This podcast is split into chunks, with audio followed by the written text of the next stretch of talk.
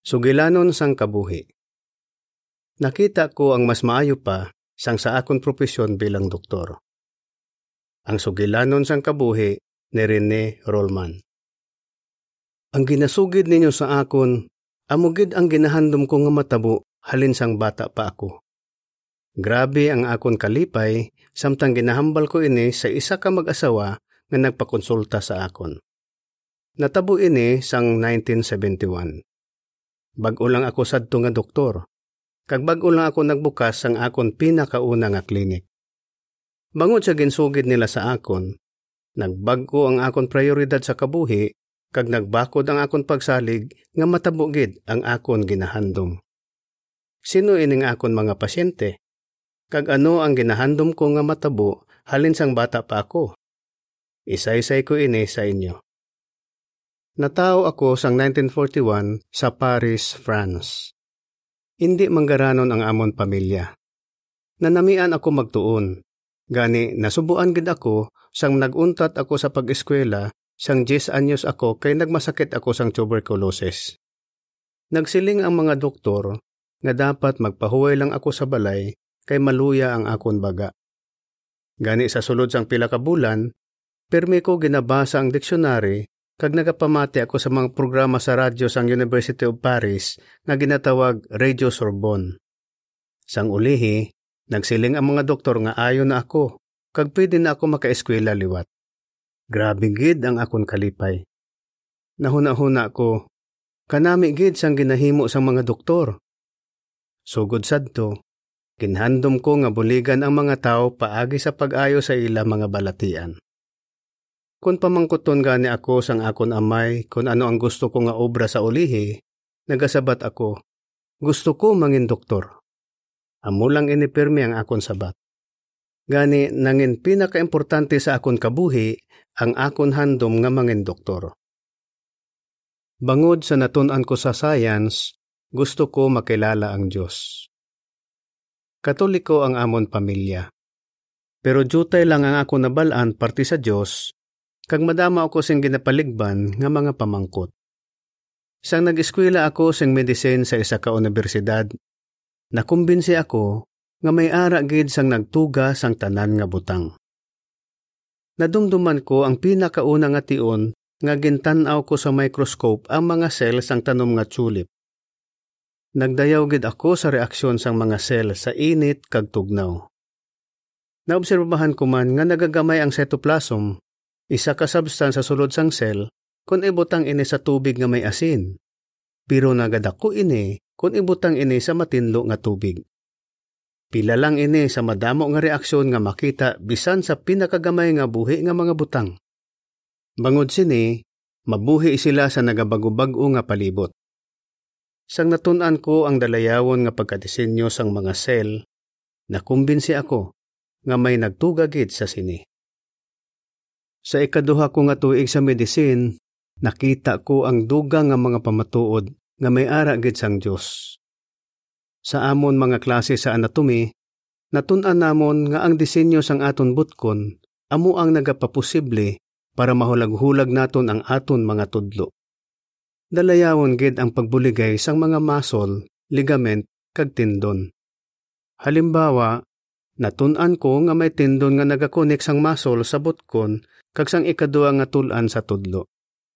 Nagatunga ini nga tendon para makaagi ang isa pa ka tendon pakadto sa punta sang tudlo.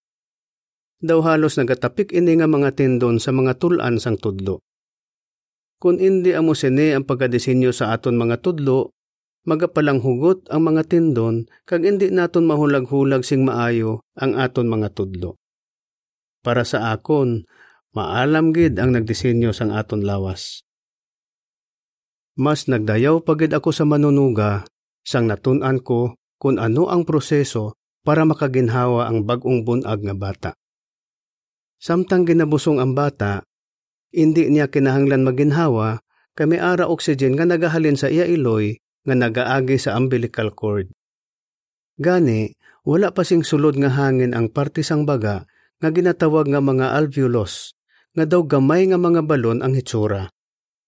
Pero mga pila ka simana antes ibunag ang bata, Ginakulapan sang likido nga ginatawag surfactant ang sulod sang mga alveolos. Dayon, kung mabunag na ang bata, dalayawon gid ang nagakatabo sa una niya nga paginhawa. Nagasira ang buho sa tagipusoon sang bata, gani nagadiritso sa baga ang dugo. Nagabulig ang surfactant para hindi magtapikanay ang sulod sang mga alveolos, gani madasig ini nga masudlan sang hangin. Paagi sa sine, makaginhawa na ang bata. Gusto ko makilala kung sino ang nagdisenyo sining dalayawon nga mga proseso. Gani ginbasa ko sing maayo ang Biblia. Nagdayaw ako sa mga kasuguan, parte sa katinlo, nga ginhatag sang Dios sa mga Israelinon sobra na 3,000 katuig ang nagligad. Ginsugo niya sila nga ilubong ang ilang mga higko, permi manghinaw kag maligo kag ikwarentina ang may simptomas ang makalalaton nga balatian. Sining nagligad lang nga 150 katuig na diskubrihan sang mga scientist kung paano nagalapta ang mga balatian. Pero dalayawon gid nga madugay na nga ginsulat sa Biblia ang parte sa sine. Nagdayaw man ako sa mga kasuguan parte sa sex nga mabasa sa Levitico kay nakaamlig ini sa pungsod sang Israel sa madamo nga sakit. Bangod sini, Nahangpan ko nga para sa kaayuhan sang mga Israelinhon ang mga kasuguan nga ginhatag sa ila sang manunuga. Kagin pa niya ang mga nagtuman sa iya mga sugo. Nakumbinsi ako nga halingid sa Dios ang mga ginsulat sa Biblia. Pero hindi ko pa sa kilala sadto nga tiun. Nakilala ko ang ako nangin asawa, kag sang ulihi nakilala ko si Jehova. Samtang nag-eskwela ako sing medicine sa universidad, nakilala ko si Lady kag naluyag ako sa iya. Nagpakasal kami sang 1965, pero sige pasadto ang akon pag-eskwela. Sang 1971, tatlo na ang amon bata. Pero sang ulihi, nadugangan pagid ini sing tatlo. Ginasuportahan gid ako permi ni Lady sa akon ginahimo bilang doktor kag sa amon pamilya. Tatlo ka tuig ako nga nag-obra sa ospital antes ako nagbukas ang akon klinik. Sang ulihi, may nagpakonsulta nga isa ka mag-asawa nga ginsambit ko sa umpisa. Sang resetahan ko na ang bana, nagsiling ang asawa. Dok, palihog wala lang dugo ang iresita mo nga bulong. Nakibot ako sa iya ginsiling. Gani ginpamangkot ko siya. Nga ahaw? Nagsabat siya. Mga saksi ni Jehova kami, Dok. Bago lang ako kabati isang relihiyon nga saksi ni Jehova. Kag wala ako sing ideya sa ilang mga ginatudlo parte sa dugo. Ginkuha sang asawa ang iya Biblia kag ginpakita niya sa akon ang teksto nga ginbasihan sang ila ginatudlo parte sa dugo. Dayon, ginpaathag niya kag sang iya bana nga dulaon sang ginharian sang Dios ang pag-antos, mga balatian kag kamatayon nalipay gid ako sa nabatian ko. Gani, nagsiling ako, ang ginasugid ninyo sa akon, amo gid ang ginahandom ko nga matabo, halin sang bata pa ako. Gusto ko gid mabuligan ang mga nagaantos bangod sa balatian, gani ginpanikasugan ko gid nga mangin doktor. Bangod sang akon kalipay, mga isa ka oras kag tunga kami nga nag-istoryahanay. Paghalin sang mag-asawa, Nabatyagan ko nga hindi ko na gusto magsimba sa katoliko. Kag natunan ko nga Jehova ang ngalan sang manunuga nga ginadayaw ko gid. Tatlo ka bisis ko nga naistorya ang mag-asawa nga saksi sa akon klinik kag sobra perme sa isa ka oras ang amon pag-istoryahanay. Ginpakadto ko sila sa balay para makaistoryahanay kami sing mas malawig parte sa Biblia. Nagupod man si Lady sa amon pag-Bible study pero hindi niya mabaton nga sala ang pila ka panudlo sang katoliko. Gani, ginimbitar ko ang isa ka pare nga magkadto sa amon balay. Gusto ko nga pamatud-an niya gamit lang ang Biblia ang parte sa mga ginatudlo sa simbahan. Gabi na katama natapos ang amon diskusyon.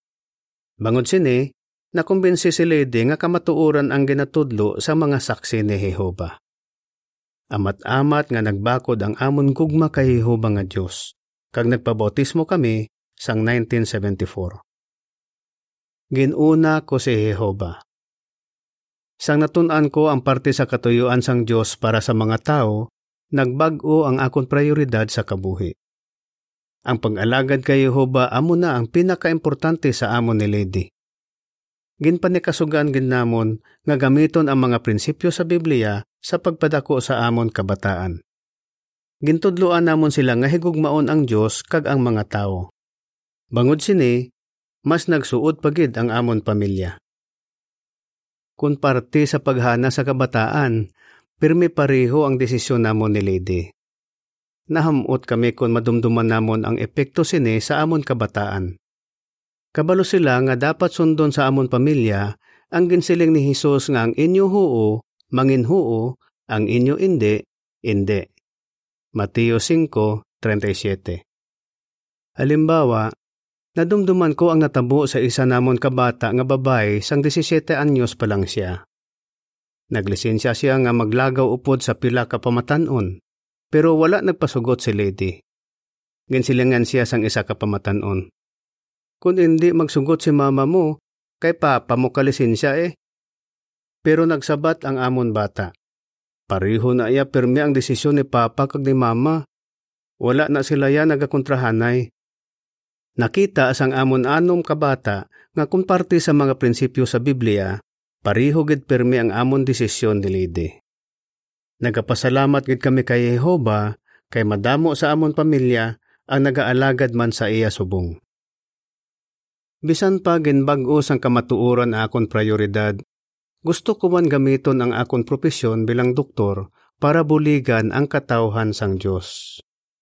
Gani, nagboluntaryo ako sa Bethel sa Paris, kag sang ulihi sa bag-o nga Bethel sa Louviers. Mga 50 katuig na ako nga nagaboluntaryo sa Bethel bilang isa ka commuter. Nalipay ako nga nangin suod ko nga abyan ang madamo nga Bethelite nga ang pila sa ila nubintaho na. Isa ka adlaw, nalipay man ako sang nakilala kong isa ka bag-o nga Bethelite. Ako gali sadto ang doktor sang ginbata siya ni mama niya, 20 katuig na ang nagligad. Nakita ko nga palangga gid ni Jehova ang iya katawhan. Nakita ko kung paano ginagiyahan ka ginaamligan ni Jehova ang iya katawhan paagi sa iya organisasyon, gani mas ginpalangga ko pagid si Jehova. Sa mga 1980, may ginhimo nga programa sa United States ang nagadumala nga hubon. Ginhimo ini para mabuligan ang mga doktor kag mga medical personnel nga mas maintindihan sing maayo ang ilang mga pasyente nga saksi. Dayon sang 1988, naghimo ang nagadumala nga hubon sang isa ka bag-o nga department sa Bethel nga gintawag Hospital Information Services. Sang primero, gindumalahan sini nga department ang mga Hospital Liaison Committee, HLC, nga ginhimo sa United States. Ginhimo ang HLC para mabuligan ang mga saksi nga makakita sa mga doktor nga nagarespeto sang aton desisyon nga indi magpatughong sang dugo. Sang ulihi, naghimo man sang mga HLC sa iban nga mga pungsod lakip na sa France. Nagdayaw gid ako sa pagpalangga kag pagbulig sang organisasyon ni Jehova sa mga kauturan nga nagamasakit. Matuman gid ang akon ginahandom. Sang una, pinakaimportante gid sa akon ang akon propesyon bilang doktor. Pero sang ginusisa ko ang akon mga prioridad, nahangpan ko nga ang pinakaimportante sa tanan amo ang pagbulig sa mga tao para makilala nila kag maalagad si Jehova nga Dios nga naghatag sa aton sang kabuhi. Sa nagretiro ako, nagregular pioneer kami ni Lady. Gani kada bulan, madamo nga oras ang amon ginagamit sa pagbantala sang maayong balita sang ginharian. Ginahimo namon gihapon ang amon bugos nga masarangan sa sininga hilikoton nga nagaluwas sang kabuhi. Nagabulig ako gihapon sa mga nagamasakit para maumpawan sila sa ila ginabatyag. Pero narealisar ko nga indi masarangan bisan sang pinakamaayong nga doktor nga ayuhon ang tanan nga balatian o kun ang pagdula sang kamatayon. Gani ginahandom ko gid ang bag-ong kalibutan nga wala na sing kasakit, balatian kag kamatayon. Malapit na gid ini magabot. Sa sina nga tion, Pwede ko natun-an hasta sa wala sing katapusan ang parte sa mga tinugas ang Dios, pati na ang dalayawon nga disenyo sang aton lawas.